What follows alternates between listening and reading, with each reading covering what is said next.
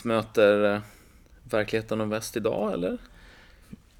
Ja, men precis, något sånt tänkte jag. Som en inledning här till världssamfundet så blev det ju den kända John Burko som eh, talman i England som vrålar order och eh, drömmen om frihet och lugn i väst eh, i låten Go West av Pet Shop Boys. Just det, så lite apropå två grejer då. Den pågående Brexit-kaoset och eh, Berlinmurens fall för 30 år sedan. Ska liksom försöka väva samman i det här avsnittet. Hej och välkomna förresten. Jag är Jonas Kisling och jag sitter här på en liten fin studio som du ordnat Max. Idag har vi läst två texter inför det här. För att liksom komma under skinnet på parallellerna mellan järnridåns fall och hoppet för den liberala hegemonin och eh, var vi står idag. Just det, så det är inga, inga små frågor som ska, som Nej, ska avhandlas Det är lika bra att bara kasta sig rakt in. kasta sig huvud, huvud först då. Men, vad, okej, men vad, är, så vad är det för artiklar vi har läst Max? En artikel från en polsk think tank som heter New Eastern Europe. Och eh, den är skriven av Kirill Kosev som jobbar på OECD. Och sen har vi läst en artikel om Ukraina kunde välja, borde valet vara enkelt av Jesper Roine för Ekonomistas. En nationalekonomisk svensk journal. Ja, vad, vad är det för några filurer? Alltså jag kan, det är inte så att jag kan jättemycket, men jag har, min känsla säger mig att det här är liksom, bo, båda de här på något sätt kämpar ju för att det, här, det som vi gör i väst är liksom på något sätt rätt och det någonstans liksom inom vad som ibland kallas den blå kyrkan. Liksom hur vi hyllar den världsordning som vi har byggt upp. Så är det, båda de här argumenterar ju för det på något sätt. Okej, det, Ingen av de här är skriven av Putin till exempel. nej, så det skulle vara alternativet då. Så den här, äh, ja men, na, naivt då kanske, men jag när jag ändå någon sorts dröm om att den här liksom, oberoende observatören skulle kunna komma in i såna här, i såna här skeden och presentera data och dra slutsatser. Men det, jag menar att det är inte, Ja, men det, Det är på inte något fallet sätt, här. Ja, men jag, det, det, det kanske är så, men det är, vet du, det, är ju, allting är ju så politiserat. Det delas upp. Eh, så vi lever ju i en, en värld där all facts är facts. Och då måste man ju sortera in dem i det här. Eller kanske man... Du menar man behöver inte göra det? nej jag, jag menar väl inget mer än att jag, det känns lite, det känns lite tråkigt att, att man liksom omedelbart kan, man, man kan göra det så lättvindigt så att säga. Vi, vi kanske ska gå in på innehållet i dem och se och så låter vi dig som lyssnare bedöma om vi bara springer den blå kyrkans eh, tjänst, som, som tjänstefolk åt dem eller om vi har en egen fri vilja. Ja, ja, men det absolut. Annars blir det lite väl, lite väl abstrakt här. De tar ju sin avstamp då alltså i eh, Sovjetum, Sovjetunionens liksom fall och den, alltså sönderfall bokstavligt talat. Det dyker upp en massa nya länder på arenan här, befinner oss slut på 80-talet, tidigt 90-tal. Och de här länderna står ju i någon mening inför ett val alltså. De kan närma sig väst eller de kan försöka behålla nära anknytningar till Moskva. Och länderna gör ju olika val. Just alla, alla väljer ju på en skala så att säga. Man gör, alla har ju kopplingar åt bägge hållen, men det är ju mer, vissa går mer åt ett håll och mindre åt andra. Precis, och då det som tas upp är ju till exempel att Belarus, Kazakstan och Ryssland, de skapar ju en handelsallians, ett så här frihandelsområde mellan de här länderna där de ingår. Medan andra börjar försöka göra något reformarbete för att närma sig EU. Just det, så det är den handelsalliansen som den här ena artikeln som säger att om, om Ukrainas val, att det här valet handlar just, sk- skulle de, ska, om Ukraina hade haft ett val mellan att ingå i EU eller ingå i den rysk-belarusiska eh, alliansen. Just Det det. är det valet som de står som han hypotetiskt säger att de står inför. Ja, men precis. Och försöka utvärdera då på något sätt. Ja, vad- vad, vad vad, ska- blir klokast för Ukraina att göra? Vi har alltså grupper som är, vi har EU, Ja. vi har länder som är knutna till EU på någon, någon sorts i väntan på att få gå med i EU. Vi har den tullunionen mellan Ryssland, Kazakstan och Vitryssland. Ja. Och så har vi Istanländerna. ja. Ja. Och det är ju alla de liksom postsovjetiska länderna, det är det som, liksom samma, det som gör att de hänger ihop. Och sen så börjar han titta på så här, hur ser deras BNP ut? Hur ser deras Gini-koefficient ut? Hur ser deras levnadsnivåer ut? Och så får man se graf efter graf där det är ju, liksom, man ser ju liksom där, det är ju bättre att vara närmare EU på alla de här sakerna. Ja, just det. Så det, det är ju inte bara en ekonomisk, ökad ekonomisk tillväxt i de länder som har närmat sig EU, utan det är även en mindre ökning av inkomstspridning, alltså en Gini-koefficienten har inte gått upp lika mycket och eh, någon form av index för hur Human Development Ja. Index. Ser också bättre ut. Ja, Och någon form av skurkstatindex låg de också bättre till på. just det. Friheter och sådana där saker. Och även möjligheterna att göra affärer med andra. Intressant nog så sticker ju Sverige ut på flera av de här graferna. Att eh, det är, ju ett stickspår här lite, men, men eh, Sverige har ju Den är från 2014, så den har ju några Ja, år på nacken. Men, men ändå, Sverige har ju en liksom, lägst i klassen på Gini-koefficienten och högst i klassen på ett antal andra parametrar som till exempel möjligheten att göra affärer. Så det, det är ju lite kul. Men eh, tillbaka till tillbaka. Ja, men så, de argumenterar väl för att så här, de har applicerat ett antal olika liksom, strategier i de här länderna. och- Som skiljer sig åt. I alla fall min läsning, där kanske du tolkar annorlunda, men så verkar det finnas tre huvudsakliga spår de har gått. Och nu snackar vi bara ekonomisk integration. Det ena är att de inte råvaruländer och försöker att attrahera investeringskapital, föryngra sin industri eller vad man ska säga, anpassa den till marknadens efterfrågan och komma in i de internationella värdekedjorna. Alternativt så säljer man råolja och stål eller gas. Eller så, för att uttrycka det väldigt brutalt, så säljer man sina människor. Alltså arbetskraftsutvandring. Arbetskraftsutvandring, inte att man har eh, billiga fabriker. Nej, utan det skulle vara, det skulle vara i det här behovet av investeringar. Ett exempel skulle vara Slovakien som har varit väldigt duktiga på att samarbeta med Volkswagen. Ja, ja. Eh, och så tillverkar man massa motorer där och så vidare. Men och man har lägre löner än i Tyskland, men i princip samma, eller samma kvalitet på det man levererar. Men den stora utvandringen då, då pratar vi alltså länder med stora diasporor. Ja, men precis. Som eh, att till exempel massa polacker åker till England och jobbar, eller litauer åker till England, eller för den delen folk från Azerbajdzjan åker till Ryssland och jobbar. För det är ju väldigt många polacker till exempel som har flyttat. Men det är väl även så att Polen har haft en strategi att integrera sig ekonomiskt med väst. Ja, men precis, de har ju nog haft båda. Och det är ju samma sak för Slovakien. Så absolut, de, eftersom de nu sedan 2004 är med i EU och då finns det ju fri rörlighet. Innan det så var det ju mer viktigt för dem att jobba med den här integrationen av industrin. Just det. För då var det inte lika lätt för individen att liksom, ja, men, byta jobb och sådär. Just det. Och sen så har vi då såklart länder som Ryssland där råvaruexporten är eh, extremt viktig. Och, Och var det både under Sovjettiden mm, och har fortsatt vara det. det. Okej, men och hur faller de här olika valen då ut? i de här länderna som gör den här ekonomiska integrationen, framförallt då via industrin och så vidare, så verkar ju det påverka deras institutionsväsende. De måste liksom ta hand om korruption och det blir massa av de här konsekvenserna som man blir positiva för att skärpa upp Skatteverket för att få bättre statistik, myndighet och eh, mer transparens. Så det blir ju massa eftersläpningseffekter som är positiva för dem när de då gör det. Vilket du inte får om du bara liksom skeppar olja.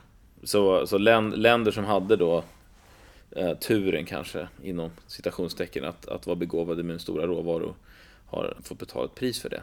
De har helt enkelt inte tvingats till att reformera sina, sina samhällen. Nej, precis. Men är det då kopplat till, för hur kopplar det till valet huruvida man vill tillhöra väst, närma sig väst eller inte?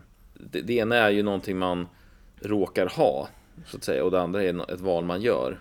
Ja, just det, för i, i den här artikeln så det är ju, det är ju bara geografisk placering som gör till viss del att Slovakien blir så himla konkurrenskraftiga. För det är, här, det är väldigt nära Okej. tyska industrin. Så att de rycks ju med snabbt för tyskarna känner så här, ja, men här, det här kan vi göra någonting av. Vilket blir mycket mer eftersläpning i, i Baltikum. Som det tog mycket längre tid innan de fick upp hastigheten enligt den här att till exempel jobba som IT-underleverantörer och så vidare. Vilket i slutändan nu ser det ut som att det har varit mest gynnsamt för Baltikum. Men så såg det inte ut på 90-talet riktigt. Så jag förstår vad det är du säger här. Så Baltikum tillhör kategorin närma sig väst och ha industri, ha en ekonomisk integrering. Ja, Ja. Och det har på säg, ett 30 års perspektiv betalat sig väldigt väl. extremt väl. Och de som har varit de stora vinnarna i det här, det är ju de centraleuropeiska länderna som har haft den här möjligheten till industriintegrering. Och Baltikum framför allt. Och vilka ser vi som de stora förlorarna då? Alltså jag tycker det verkar som att en, en av de största förlorarna i det här, om man ska ta ett land som ligger egentligen ganska nära, det är Moldavien. De har ju i princip inte haft någon ekonomisk utveckling alls. Och de ligger ju väldigt nära knutna till Ryssland. De har ju till och med den här frusna konflikten med Transnistrien. Ja, just det, den har vi pratat om tidigare. Ja. Mm. Eh, vilket liksom har ju varit problematiskt för dem. Det finns en, liksom en arméfraktion från Ryssland som har en hel region i Moldavien. Vilket har blivit till en frusen konflikt. Så det påminner lite om situationen i, i Georgien innan.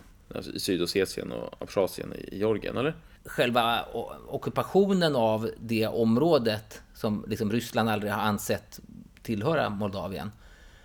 Det skedde ju liksom redan 92.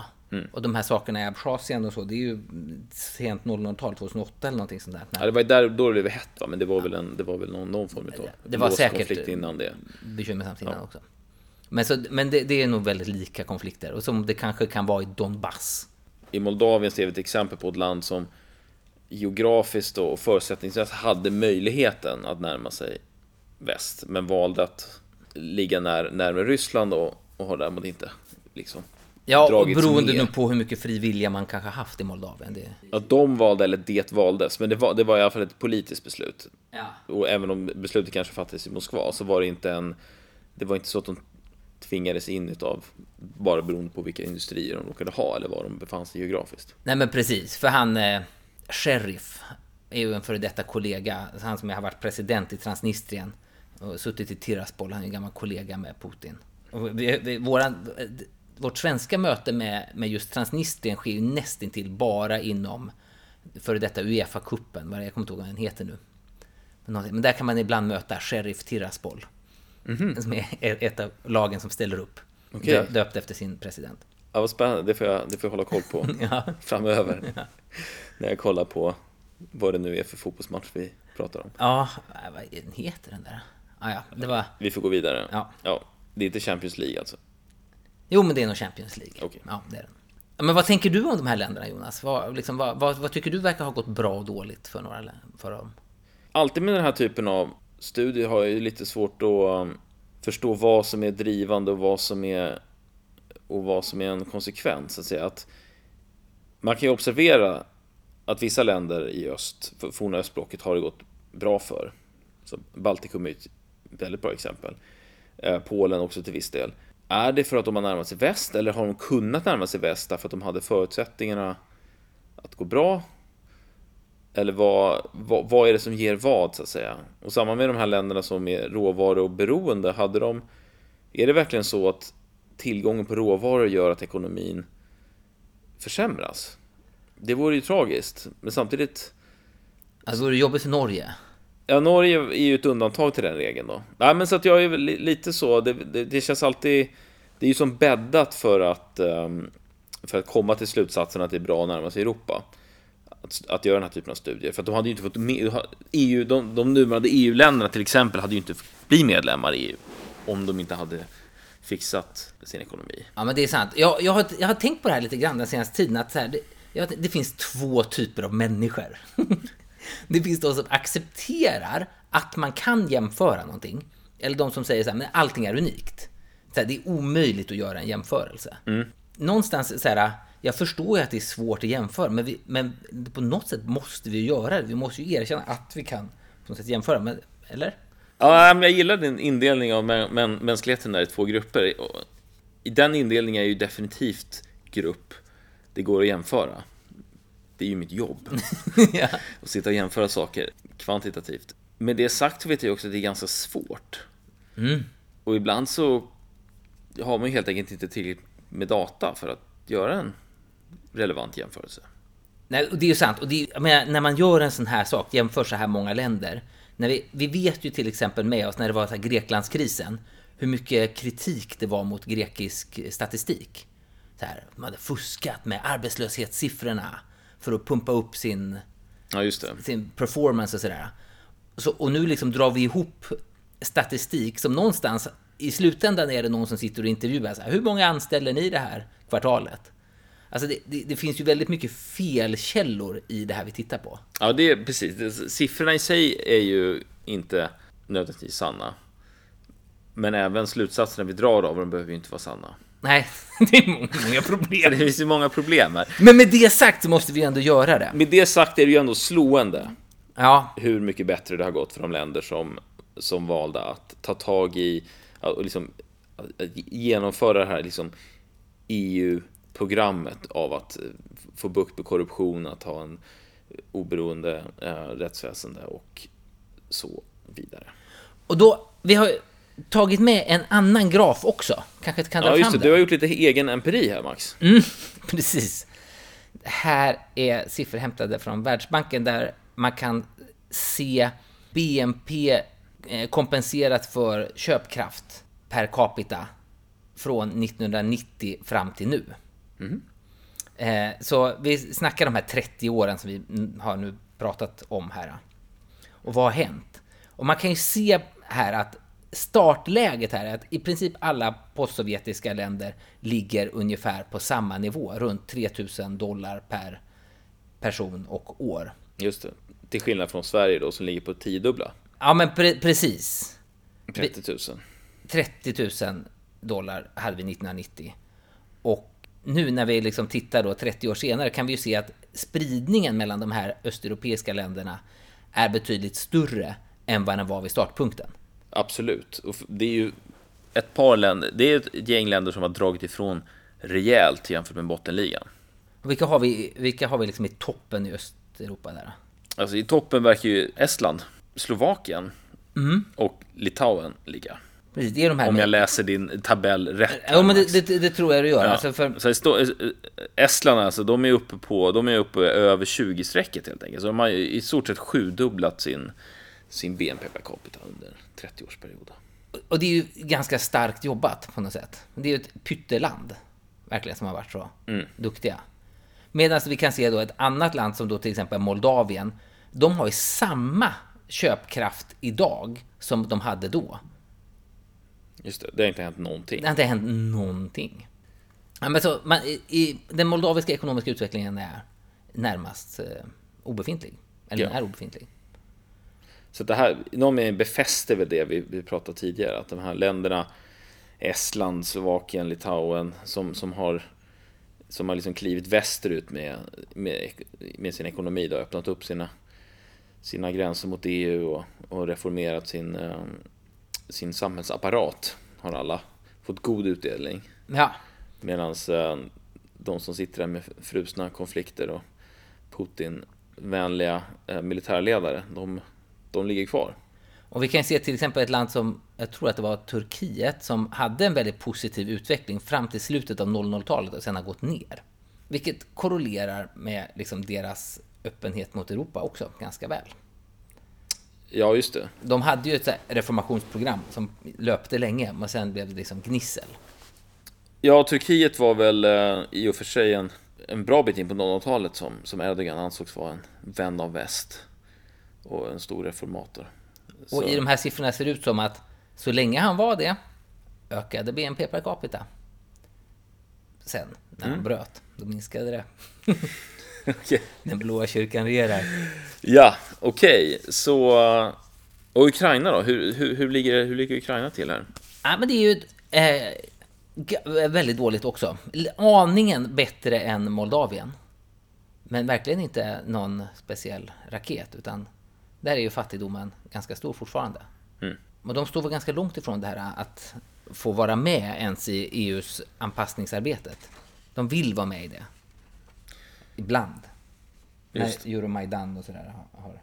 Men de ligger ju i, någonstans i nivå med Moldavien.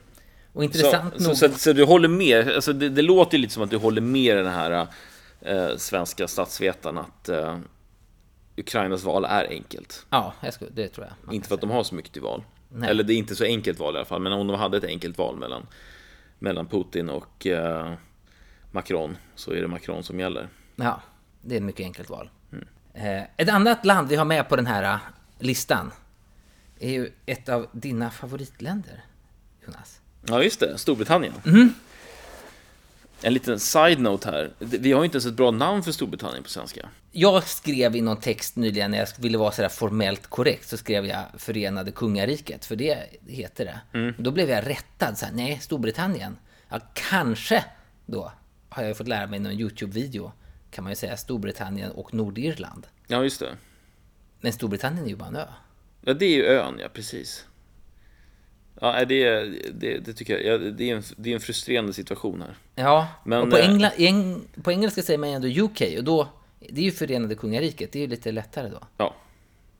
Men Även om F- det förenande FK kungariket syftar ju på liksom unionen mellan Skottland och England. Aha.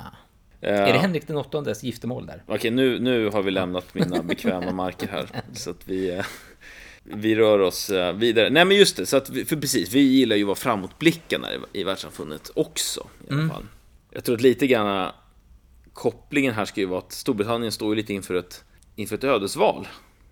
Ja, Både då bokstavligt och eller ja, bokstavligt och bokstavligt. De, de har ju ett val nu i december när de ska välja regering och landet står inför valet då. Hur, hur ska de positionera sig här framöver? För de kommer ju ha en frihet att välja. ska de välja Europa som några öststater gjorde? Eller ska de välja skurkstater som några andra östeuropeer gjorde? Ja. Eller ska de välja Eller ska de välja en tredje väg? USA? Ja. Ja, nej men precis. Så, så, så vad, vad, vad, liksom, vad, talar, eh, vad talar för och emot då?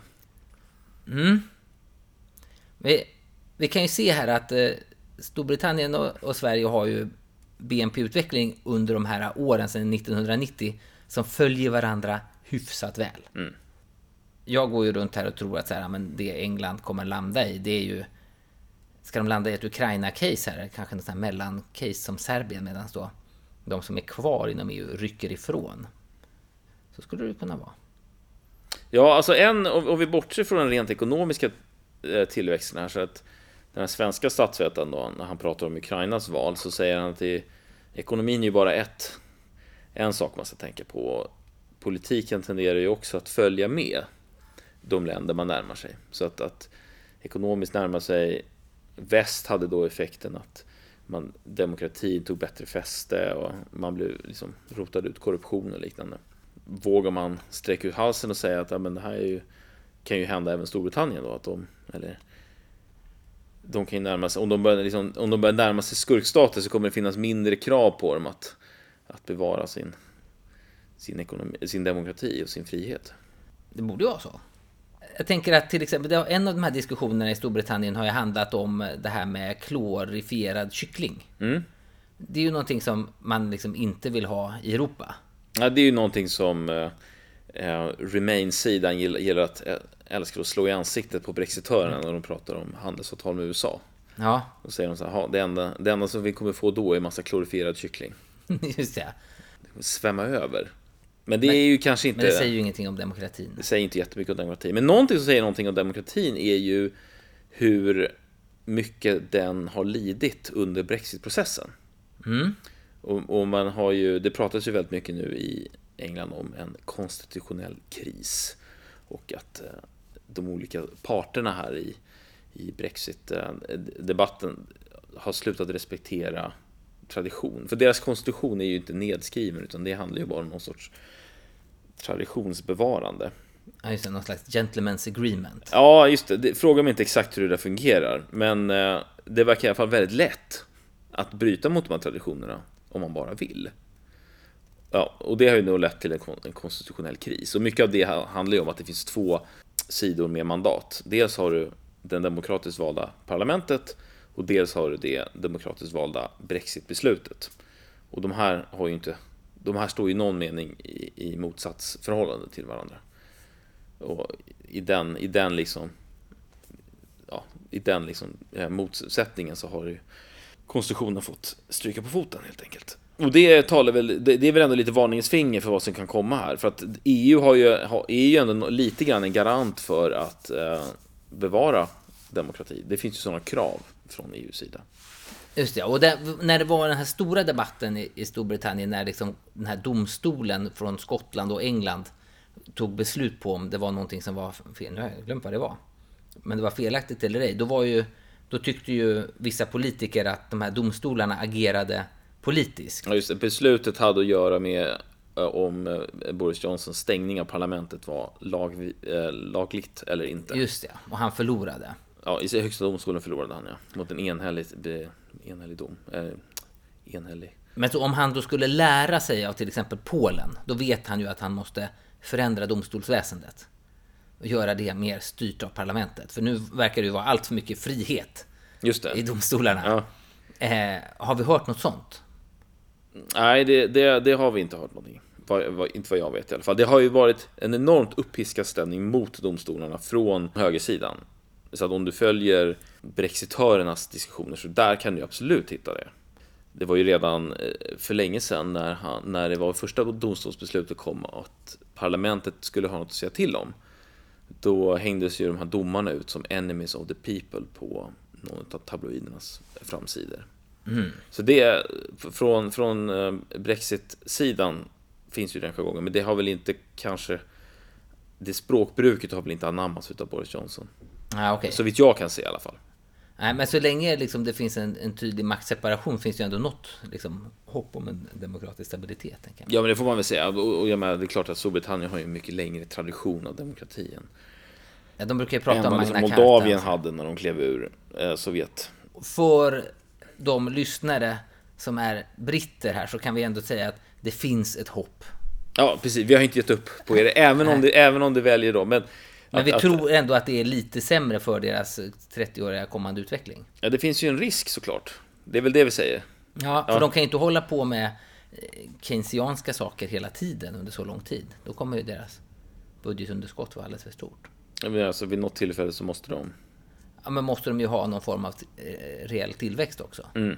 Ja, just det. Men det är väl där brexitörerna skulle säga att den stora fördelen kommer in. Därför att helt plötsligt så är de ju fria att knyta frihandelsavtal med ekonomier som, som växer. Just det, så de kan sälja massa till ett växande Nigeria till exempel. Ja. Vars befolkning kommer vara jättestor om. Precis, och de behöver inte bry sig om sådana jobbiga miljöregleringar så de kan ha en stor, jättestor fabrik som eh, producerar till Apple kanske i USA. Aha. Ja, så okej, så de ska ta upp... Är det det de ska göra? Ta upp konkurrensen med Kina här? Jag tror inte att det är det de vill göra, men, men någonting kommer väl hända. Ja. Vad händer då? Nu, det här, de står ju ändå inför det här ödesvalet 12 december. Vad händer där då? Från det här vill du ha en sammanfattning, men, men bara precis nu. Jag Ah. vet inte hur många av er som, som dagligen kollar pundkurser, men här, då märkte man ju att häromdagen så stack den ju uppåt kraftigt. Och det verkar ju ha, vara direkt kopplat till att Nigel Farage gjorde ett litet utspel. Han, eh, Brexit, han är ju då ledare som alla vet för Brexitpartiet. Som Faller i opinionsundersökningen? Ja, just det. De, precis, de var ju största partiet i EU-valet här nyligen. Och snor ju framförallt väljare från eh, Tories, men även från Labour. Och de är i, i någon mening ett enfrågeparti. De vill få Get Brexit done. Också en stor orsak till att Boris Johnson har, varit, har valt den taktiken han har valt. Därför att han ser ju som sin främsta uppgift att kväsa Brexitpartiet. För, för Labour gör ett ganska bra jobb med att kväsa sig själva. Eh, Så då gick i alla fall Nigel ut nu och sa att vi kommer inte att vi kommer inte att kampanja i de valkretsar som är Tory-ledda. Så att han, deras valstrategi ska vara att rikta in sig på Labour-ledda. Ah, Okej, så nu, de är en slags eh, piska bara på de andra? Ja, precis. Så Donald Trump eh, har ju utlyst, eh, han, han vill ju se en Brexit Alliance mellan Tories och Brexitpartiet. Och det har ju även eh, Nigel Farage bett om. Men från, från Tory, Tory-håll då, Boris Johnson har ju varit kate- kategoriskt liksom sagt nej till detta. Nigel Farage sa i sitt, i sitt eh, presskonferens var att nu, nu finns det en Brexit-allians, även om den är utlyst ensidigt. Ja, okej. Det är inte mycket allians, men i praktiken blir det ju lite alliansigt av det hela i alla fall. Ja, men verkligen. Ja, men, och Och, det, och det här kan man ju då, min, min eh, liksom hemmasnickrade tolkning av varför det här gör att pundet ökar i värde. ja, Till att börja med vet jag inte om det var därför, men eh, det finns ju ett avtal på bordet. Och alla tror ju att kommer, får Tories en tillräckligt stor majoritet i parlamentet så blir det det avtalet. Alternativet till det avtalet finns ju inte. Så då, om Tories inte får en betryggande majoritet så finns det ju alla alternativ på bordet helt plötsligt. Allt ifrån stanna kvar i Storbritannien, ha ett second referendum till hård Brexit. just det. och det här är så himla svårt att bedöma eftersom de har de här enmansvalkretsarna. Så det kan slå på väldigt många olika sätt. Det är väldigt svårt för oss att förutspå. Ja, val, valutgången är väldigt svår för oss, Ja. absolut. Ja.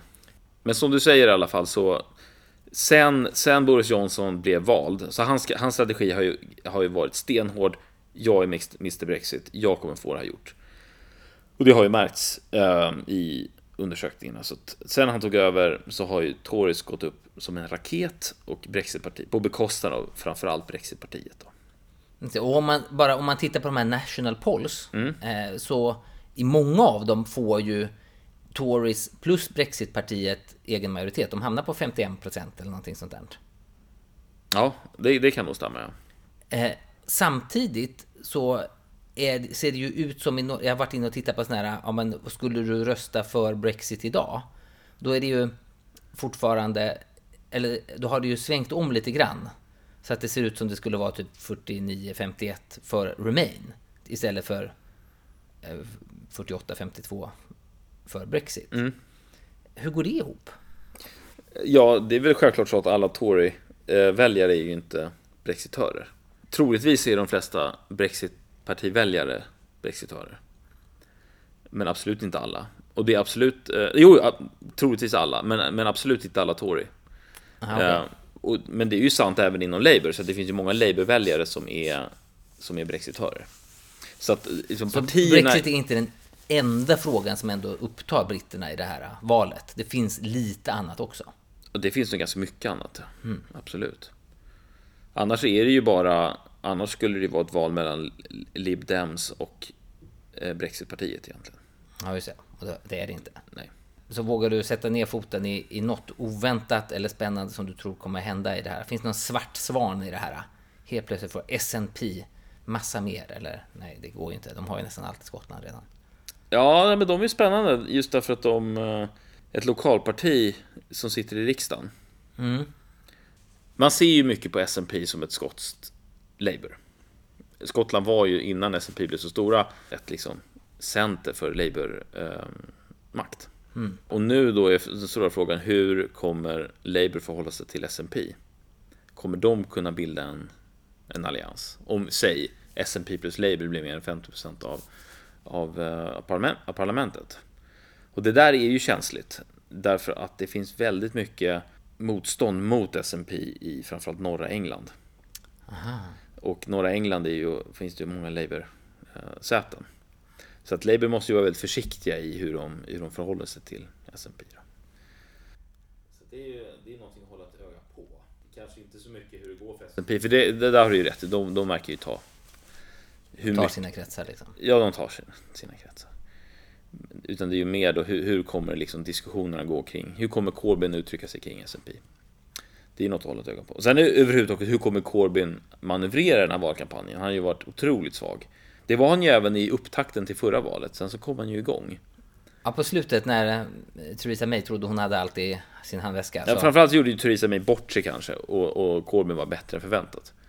Men det, det var ju verkligen ett late rally för, för Labour i förra valet. Och vi spelar ju in det här avsnittet den 12 november, så det är prick en månad kvar. Just det, för om en månad då, då åker världssamfundet till Till Nordirland. Ja, jag höll på att säga Storbritannien, men det, det skulle ju definitivt inte stämma. Hem till Belfast. Mm. Där tänkte vi göra nästa podd. Spännande. Eh, för- och varför Nordirland? Jo, för det är ju det är där den här nya gränsen ska gå i det här avtalet mellan... Eh, så ska den gå i Nordirländska sjön. Så det är på något sätt, det känns som att det är en kittlande plats. För det är någonstans där liksom hela Brexit-debatten i England, me- mellan E- England och Nordirland, den har liksom legat där i sjön och guppat. De vars vardag på kort sikt kommer påverkas mest utav utgången av hela den här karusellen. Kommer det bli en gräns mellan Nordirland och Storbritannien? Eller kommer det bli en hård gräns mellan Nordirland och Irland? Eller kommer det bli fortsatt som det är idag? Så vi ska vandra där de katolska och protestantiska kvarteren och ta Belfast, pulsen på Belfast. Och med det så tackar vi för den här gången. Tack så hemskt mycket. På återseende. Hej. Hej!